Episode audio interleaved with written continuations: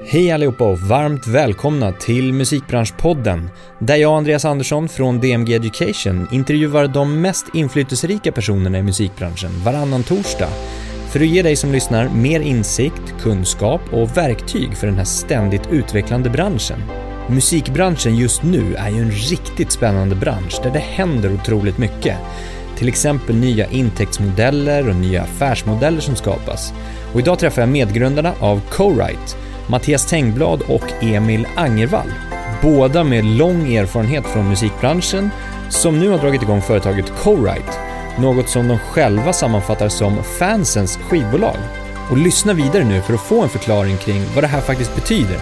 Vi kommer också naturligt in på ledarskapsfrågor, företagskultur, målsättning och varför man faktiskt gör det man gör. Ett mycket intressant samtal med många bra tankar, så häng med så kör vi!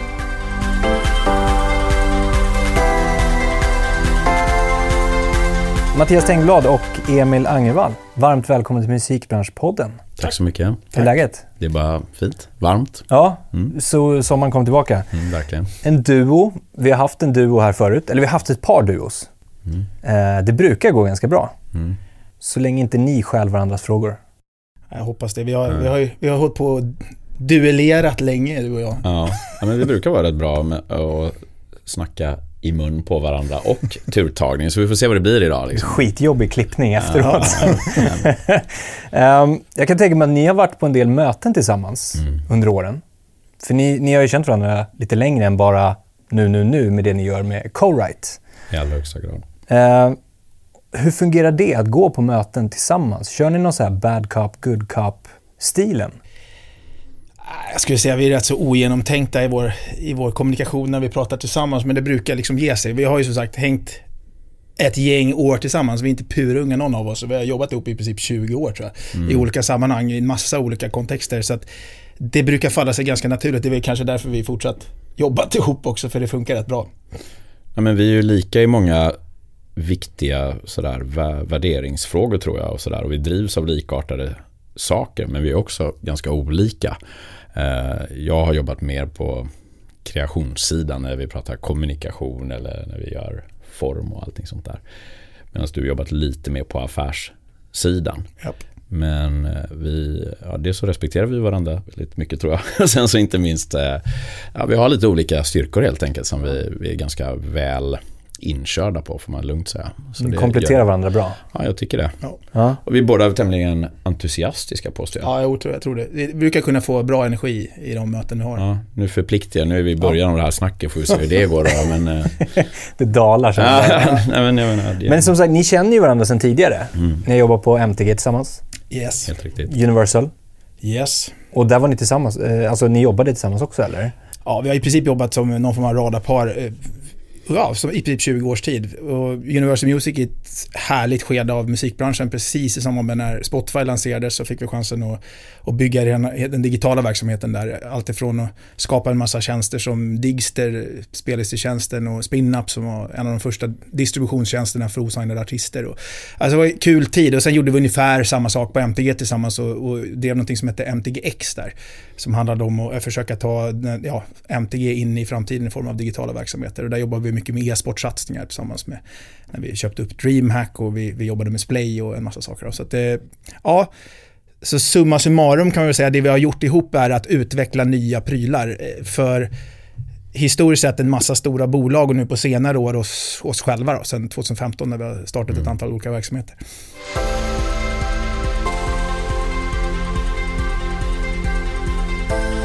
Jag eh, håller själv i en kurs. Vi har en YH-utbildning som heter Music Business Developers. Jag mm. håller en kurs nu som heter Målsättning och karriärplanering som är den första kursen ah. för kullen.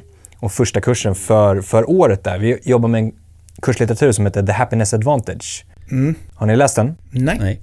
Kan rekommendera starkt. Mm. Låter eh, kul. Väldigt, väldigt bra och eh, forskningsbaserad kring hur du kan jobba på ett helt annat sätt. Istället för att jobba för att bli framgångsrik eller bli lycklig att börja i andra änden, att vara lycklig. Mm. Att skapa en miljö där du trivs för att bli framgångsrik. För att det är det som kommer hjälpa dig att ta dig till vad nu framgångsrik för dig är.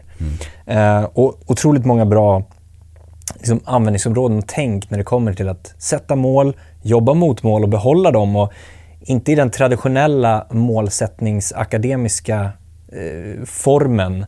Jobbar ni någonting med målsättning just nu när har startat det här nya? Absolut. Så att, eh, jag, jag har jobbat länge och Emil tillsammans efter en, det blir en ganska allmängiltig princip, men det börjar, tycker vi, i varför. Så varför ska Co-Write göra det här? Och det där spelar ju ner till varför ska jag som enskild anställd i mitt område syssla med det jag håller på med. Så det, det är liksom en viktig grundförutsättning. När du väl har hittat på det där så handlar det om lite grann vad vi ska göra för att nå det där varför. Och vad i vårt fall handlar om att vi har byggt den här plattformen som gör det möjligt då för fans att investera Eh, pengar i hitlåtar. Eh, det vill säga som gör det möjligt för artister att faktiskt finansiera sina projekt med hjälp av sina fans. Sen ger den också möjligheten då att artisten kan använda sina fans som en aktiv marknadsföringsmuskel när man väl ska lansera. Så liksom det löser lite grann två problem för artisten.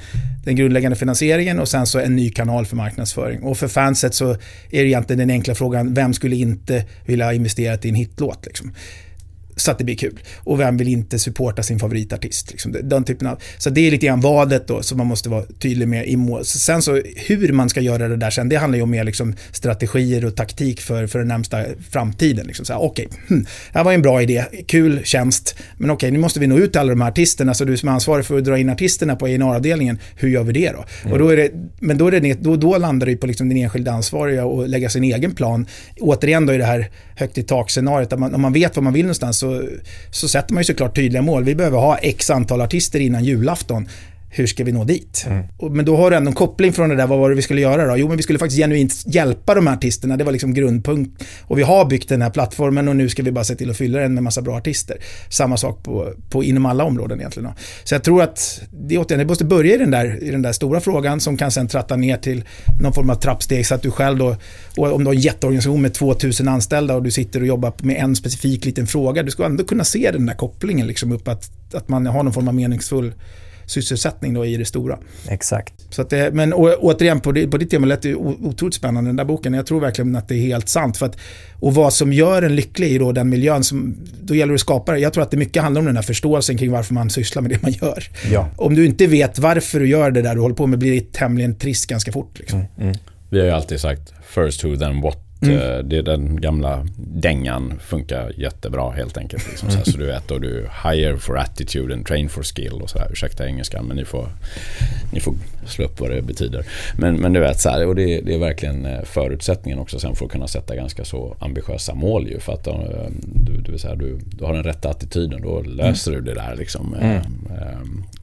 Självklart ska du få hjälp men jag menar det, det, du har ju bättre förutsättningar. Ytterligare en jättebra bok, Start with Why. Mm. Som ni egentligen är inne på, hela det ja, konceptet. Uh, och den cirkeln som man kan ja, illustrera den är bra. Det är superenkel och det är så oerhört lätt att göra precis tvärtom. Ja. Men det, det, det där måste man påminna sig om, tror jag, varje dag. För det, jag, jag tycker att den limmar med det du säger. Liksom, för att har du det där why, då blir det ju roligare direkt från början. Och sen kan du såklart götta till det med ett mysigt kontor och gott kaffe och massa sådana saker. Men det är egentligen inte det som, det spelar mindre roll i slutändan. Mm. Ändå om du inte vet varför du sysslar med det du håller på med. Mm. En bra kombination, den bok, de två böckerna mm. tror jag. Start with Why och ja. The Happiness Advantage. Och är man, är man, orkar man inte läsa så mycket så kan man titta på den där lilla speechen han håller. Eh, ett TED-talk är det va? Ja, det är ett mm. TED-talk. Ja, jag tror det. Det är bara en halvtimme, det är värt. Mm. Vilket är en annan sak, vi diskuterar ganska mycket med studenterna, det här mm. med att inte snegla för mycket på andra. Hur andra gör och hur andra lyckas i den bemärkelsen. Precis. Just att du, det du ser, det är bara den här overnight success-storyn. Ja. Du ser inte slitet, de 10 000 timmarna bakom. Och att då snegla på det, det blir ju snedvridet. Att då säg, men varför lyckas den där personen? Varför, varför lyckas den där artisten eller företaget leverera det där? Mm. Och ja, jag har ju kämpat i säkert ett år med det här, men det händer ingenting. Så att, att fokusera på sin sak och lägga ner tid, energi och, och foka verkligen på att, ja, men, och tro på det man gör. Foka mer på din egna grej än att foka på teoretiska konkurrenter och fiender. Ja, liksom, ja, och dessutom så, återigen, det, det finns ju tusen exempel på det också, men just vad är det för problem som du ska lösa då med ditt företag eller din idé? För det problemet kan ju lösas på massa olika sätt. Så vår visionen kring co-write som jag började någonstans, det handlar om att i en värld nu med streaming och med digital produktion och hela den biten så växer ju antalet artister som har möjligheten att leva på sin musik och få ut hög kvalitet, alltså få utnyttja sin talang helt enkelt. För 20 år sedan var det oerhört begränsat till ett fåtal artister som man signade med ett antal skivbolag och fick spela in en skiva och sen distribueras till skivbutiker i och med liksom hela streamingen och liksom eh, alla hem-PCs och allt annat så kan ju liksom vem som helst idag producera en högkvalitativ proffslåt hemma i princip. Så att det kommer finnas miljontals människor där ute som har förmågan att skapa hits och, världs och härlig musik som folk gillar. Och då krävs det ett, ett nytt sätt att hantera det där på. Och där är vi och letar problemet. Liksom. Vi försöker, men vi måste hitta ett sätt att få många då, alla de här 10 miljarder människorna som faktiskt allihopa i princip gillar musik och som alla skulle gärna vara med och hitta en hitlåt. Om vi kan få alla dem att kunna swisha en hundring lite då och då för att investera i en ny artist eller ny musik, ja men då har vi hittat någonting som jag tror ett område som kommer säkerligen ha en ansenlig procentsats av den totala världsmarknaden på musik om tio år. För det är för bra för att inte bli så. Sen om vår idé och vårt, så att säga, huret och vadet vi ska göra om vår lilla tjänst löser alla de problemen, ja det återstår ju att se. Då. Men vi har ju chans börjar vi i det här ganska stora problemlandet så kan vi ju leta oss fram till de ja, bästa lösningarna över tiden. Och det är också ett sätt att se på entreprenörskap, att du måste börja någonstans. I teknikvärlden kallar man det för MVP, Minimum Valuable Product, det vill säga den till, den produkt som är tillräckligt bra för att lansera, men inte mer än så. Sen utefter det sen så ska det liksom utvecklas med dina kunder etc. Och det tror jag är sättet ofta att göra det här på, om man liksom ska tänka långsiktigt. Bra övergång ja. till co-write tycker ja. jag. Vi dyker in i det på en gång. Mm. Um, och du har egentligen pratade om visionen. Ja, absolut. På ett passionerat sätt, ja, måste jag ändå det, ja, nej, men säga. Det, och det finns nog rätt mycket passioner där, för jag ja. tror verkligen att... Jag vet att Daniel Ek sa det på ett väldigt härligt sätt för ett tag sedan. Han sa att, och jag, jag kan inte... Det får vara han som är källan. 35 000 artister idag ungefär kan livnära sig på Spotify enbart. Hans vision med Spotifys vision är att det där ska vara miljontals om några år. Och lite grann, det är den marknaden vi tittar på. Det vill säga alla dessa artister som professionellt vill livnära sig på musik. Men, också, men de måste hitta samarbetspartner och sätt att, att liksom, ja, kunna göra det. Mm. Eh, och då handlar det om en massa saker. Och skivbranschen, skivindustrin har alltid levererat på ett antal parametrar. Det är liksom hitta talanger, eh, utveckla talanger och finansiera dem. Och sen marknadsföra och, och liksom göra marknadsföring för, för att liksom breaka talanger. Eh, och Spotify har gjort möjligt för oerhört många fler och alla streamingtjänster där ute och hela den digitala utvecklingen att för många fler att ta sig igenom. Men dilemmat idag är att det är ju 40 000 låtar som släpps varje dag i den digitala världen. Så att, att hitta då sina fans där ute och knyta en tight kontakt med dem är ju helt avgörande för att man ska kunna lyckas bygga sin karriär. Och då tänkte vi att en lösning på det där skulle kunna vara, men om du kan engagera fansen lite till då, så bjud in dem i bandet. Eh, låt dem investera en hundring eller uppåt i ditt projekt som de tror på och dig som de tror på.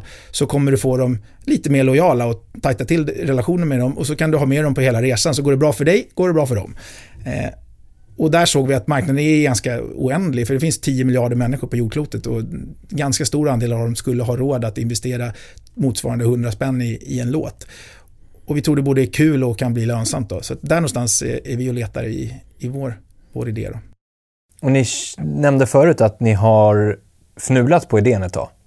Mm. Om vi backar, vart föddes idén? Ja du, vart föddes idén? Eh, vi kikade helt enkelt på vilka, vi ville väldigt gärna göra någonting inom musik eh, generellt sett som, eh, som vi sa. Det var ett av skälen till att vi sa upp oss egentligen. Eh, och eh, vi vet redan idag att när det, när det gäller eh, distribution så är ju det löst. Det, kostnaden för distribution har ju gått mot noll, eller är noll i praktiken i många fall, för, för den enskilde artisten eller motsvarande. Eh, på grund av Spotify i hög grad och, och teknik som är sammankopplat med det. Då. Eh, men det fanns, vi, vi klurade bara, vad finns det mer för stora saker där ute som behöver lösas? Det måste finnas fler, det kan inte vara som att vi ska nu lägga oss ner, Aha, nu är det Spotify och, och Apple Music och några till och så Ena, ja, så är det Instagram på andra sidan du vet och så är det klart precis som du säger. Utan det måste finnas någonting mer. Uh, och, och, ehm, så, så har, vi satt ju egentligen och bara borrade kring, kring, kring det där. Och det är det som, eh, om du pratar med folk, det vill säga artister och, och, och, vad det nu är för någonting, så är det ju marknadsföringen. Det är det man är ute efter. Varför du till exempel signar med en label eller någonting sånt där i hög grad. Eh, och eh, pengarna. Eh, och, och, vi tyckte då rent som, som kreativ modell för att hitta på det här var ju bara, ja men okej, vad är det majors gör? Vad är det de stora? Om man ska liksom klå någon, vem är det man ska klå? Inte nödvändigtvis som att vi vill dem illa, jag bara menar som, en, som ett sätt att närma sig frågan.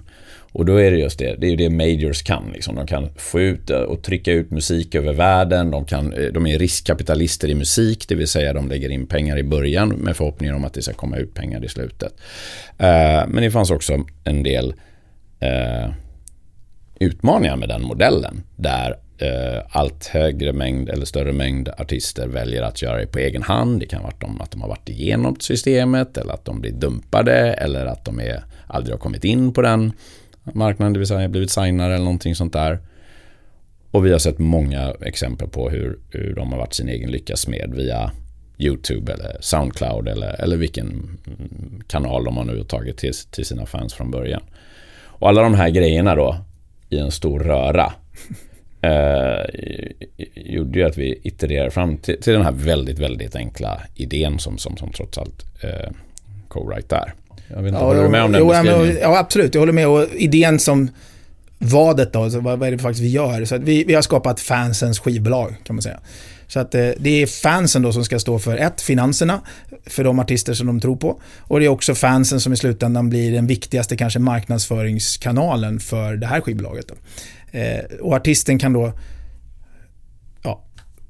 använda sina fans eh, som tror på dem allra mest eh, för att få de medel de behöver för att kanske, ja, för att skapa sin dröm. Om det handlar om att få pengar för att producera låten till att börja med eller om det handlar om att de kanske vill göra en härlig musikvideo eller för den delen hyra en radiopluggare i USA eller vad man nu ska använda. Det är upp till, alla artistprojekt är alltid olika. Det kan handla om att man vill åka och göra sin inspelning i Nashville för det man alltid drömt om. Eller så att artisten har kvar sin kontroll, kan med, sitt, med sin story berätta sin historia om vad de vill använda de här pengarna till. Fansen går in och chippar in, investerar tidigt i projektet. Vi som co-write ser till att facilitera hela den här processen så vi kan, ja, vi har byggt en plattform som kan hantera hela det där så att det blir enkelt så att man kan med en swish-dragning pytsa in de där pengarna och sen få sin lilla portfölj med ett antal eh, artister där man, där man då följer och har, har ett litet stake i deras olika projekt. Sen så när vi väl har gjort klart den här fundraisingen och, den här, kapitalet finns, då släpper vi låten digitalt över hela världen. Och så samlar vi in alla royalties från alla olika tjänster som Spotify och Apple Music etc. Och sen så är det vårt system igen då som fördelar pengarna när de väl har kommit in. Eh, och principen är buslänkel. Artisten i sin story berättar vad de tror att de kommer att tjäna på den här låten och det kan man idag ganska enkelt räkna ut om man, har, om man tittar på vad en stream är värd exempelvis. Att, eh, och då tittar man på historien. Så här har jag streamat tidigare och det här är min nya låt den är ju fantastisk så jag kommer, tror jag, streama en miljon gånger. Och då är det upp till fanet att bestämma, ja men det låter rimligt. Så om han streamar en miljon gånger kommer jag få tillbaka mina pengar. Streamar den två miljoner gånger då blir det dubbelt upp. Men såklart, blir det bara hälften, då blir det bara hälften. Men jag är beredd att och, och backa då den här, den här artisten på de parametrarna.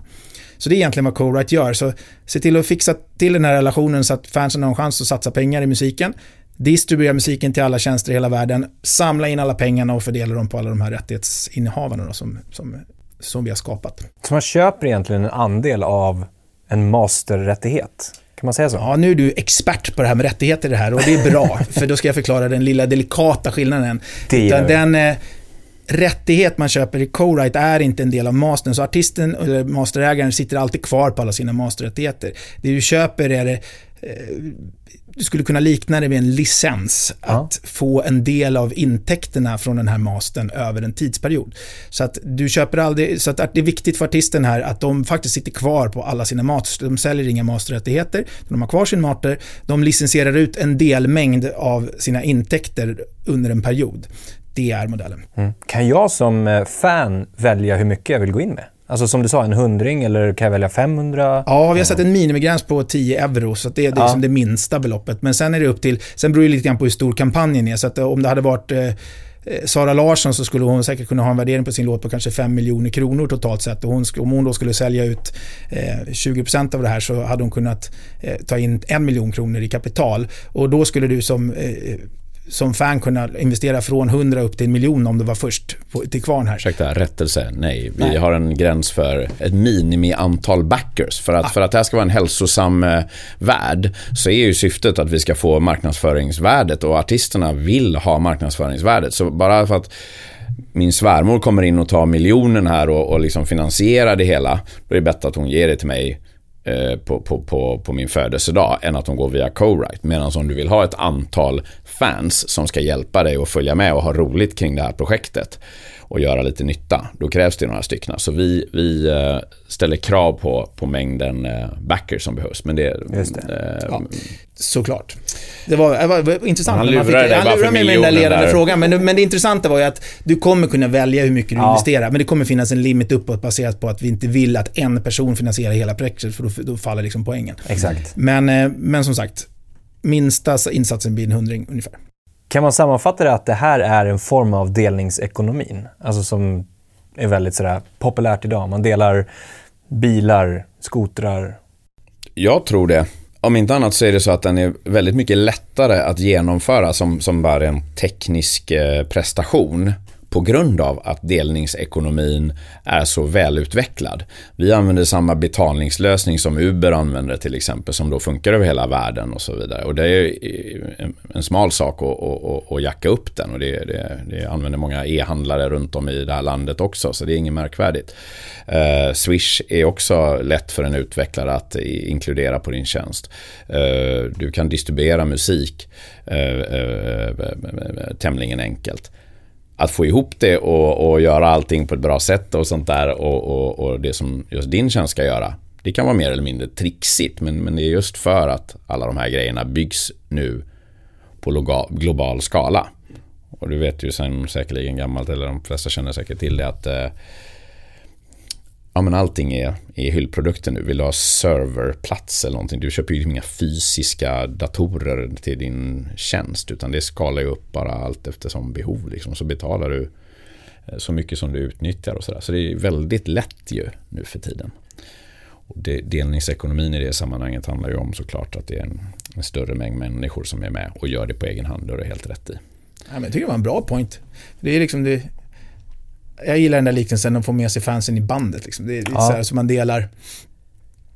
Om du kan hjälpa mig på något sätt så såklart ska du ha en del av uppsidan. Liksom. Och det, det kommer vara så att, att de här närmsta fansen kommer göra stor skillnad. Så liksom, eh, återigen till exemplet, om du har, har du tusen backers i projektet eh, som är med då, och som delägare, då kan ju vi som plattform kommunicera med de här personerna i, i bra timing i olika sammanhang. Exempelvis på releasedagen och säga så här, ja, men nu är det er låt ute på marknaden här på Spotify, så lyssna så mycket ni orkar under, under kvällen och dela den till alla era kompisar.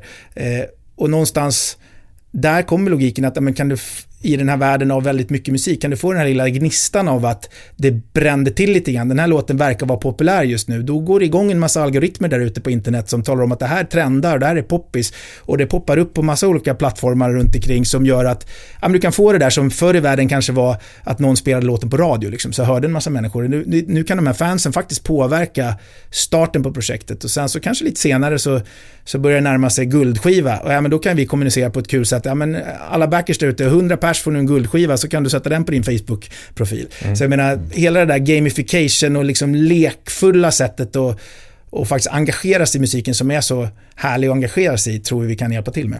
Sjukt spännande. Mm.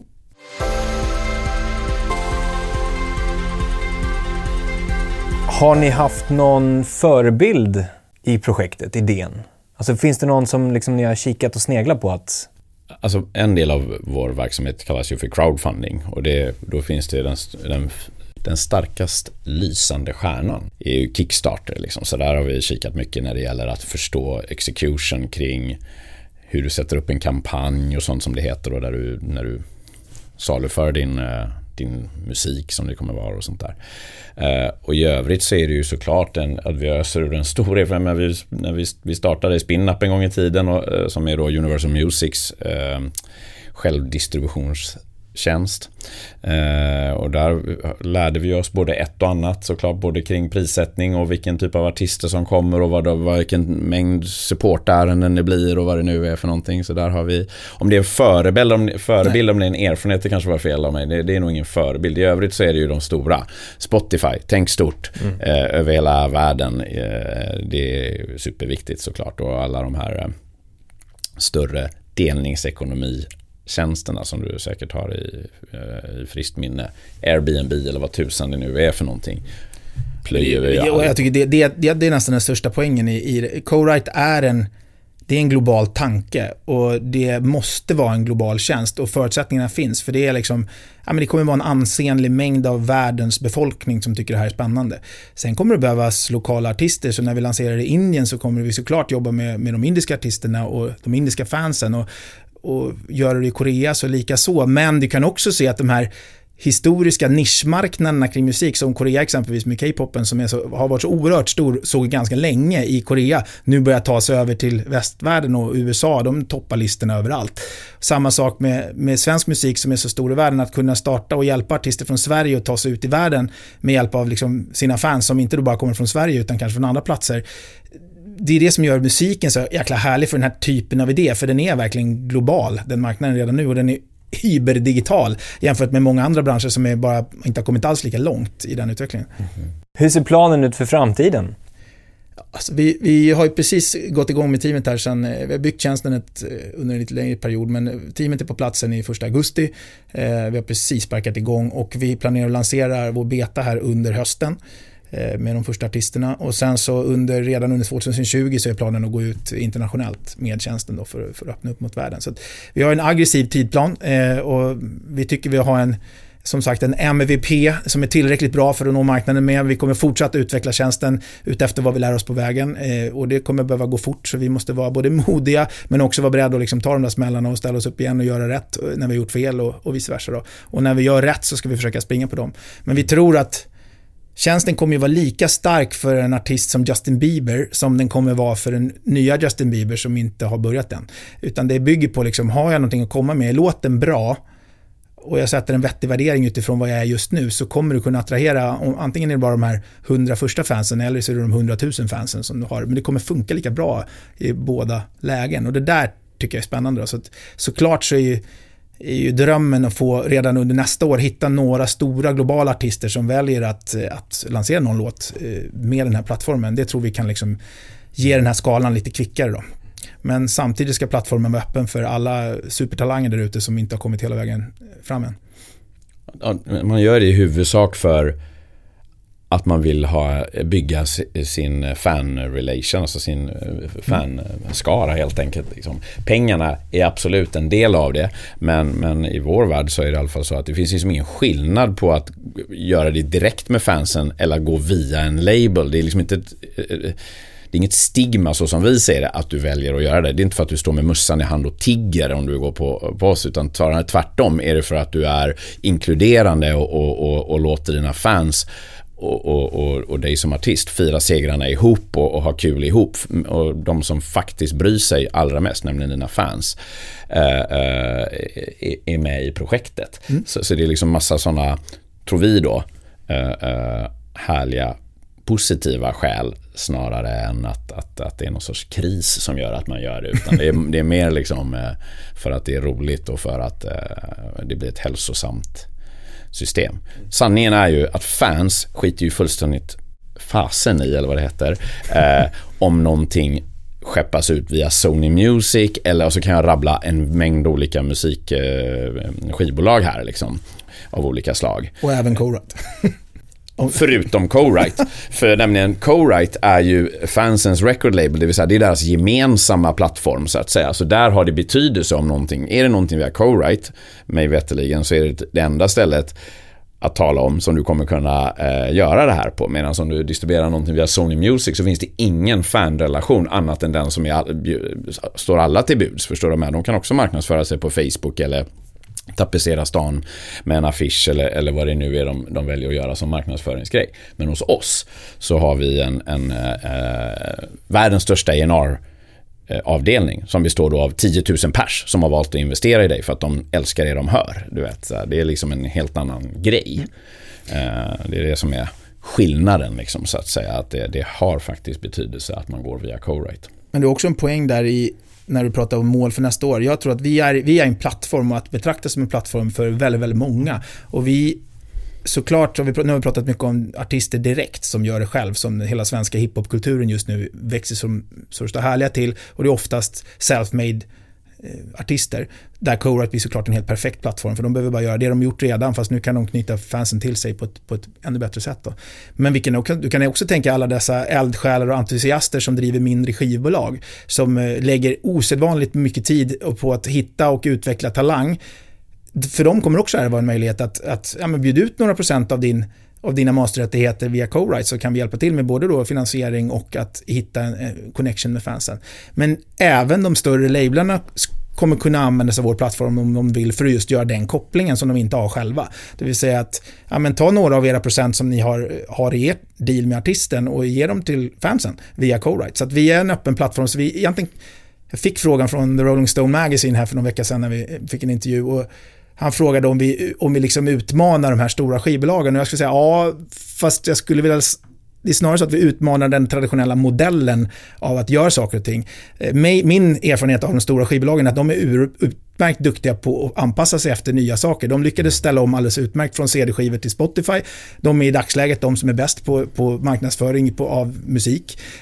Och det vore väl konstigt om den här formen som jag tror kommer vara en stor procentsats av totalen här om tio år, såklart kommer de stora lablarna också fatta det här. Och vi vill vara deras partner på resan såklart. Och vi tror att vi kan kanske springa lite snabbare än dem då när man är ett, ett fristående bolag som bara fokuserar på en sak än vad man kanske hade kunnat gjort om man hade gjort den här idén som anställd på Universal Music eller motsvarande. Mm. Så att, vi utmanar modellen eh, men inte någon egentligen enskild aktör utan vi vill bjuda in till dans för, med alla egentligen. Emil och Mattias, tack mm. för jättetrevligt samtal. Mm. Tack Lycka till med Co-Write. Tack så mycket. Tack för att vi fick komma. Stort tack för att du har lyssnat, verkligen. Hjälp oss gärna i vårt mission om att sprida kunskap om musikbranschen och gör den mer lättillgänglig. Dela gärna podden, tipsa kollegor och kompisar och med målet här nu tillsammans att skapa en fantastisk musikbransch. Och kom ihåg att du alltid kan kontakta oss ifall du vill ha hjälp eller ifall du har några som helst funderingar kring vad som helst inom musikbranschen. Ha det fint så länge så ses vi nästa gång.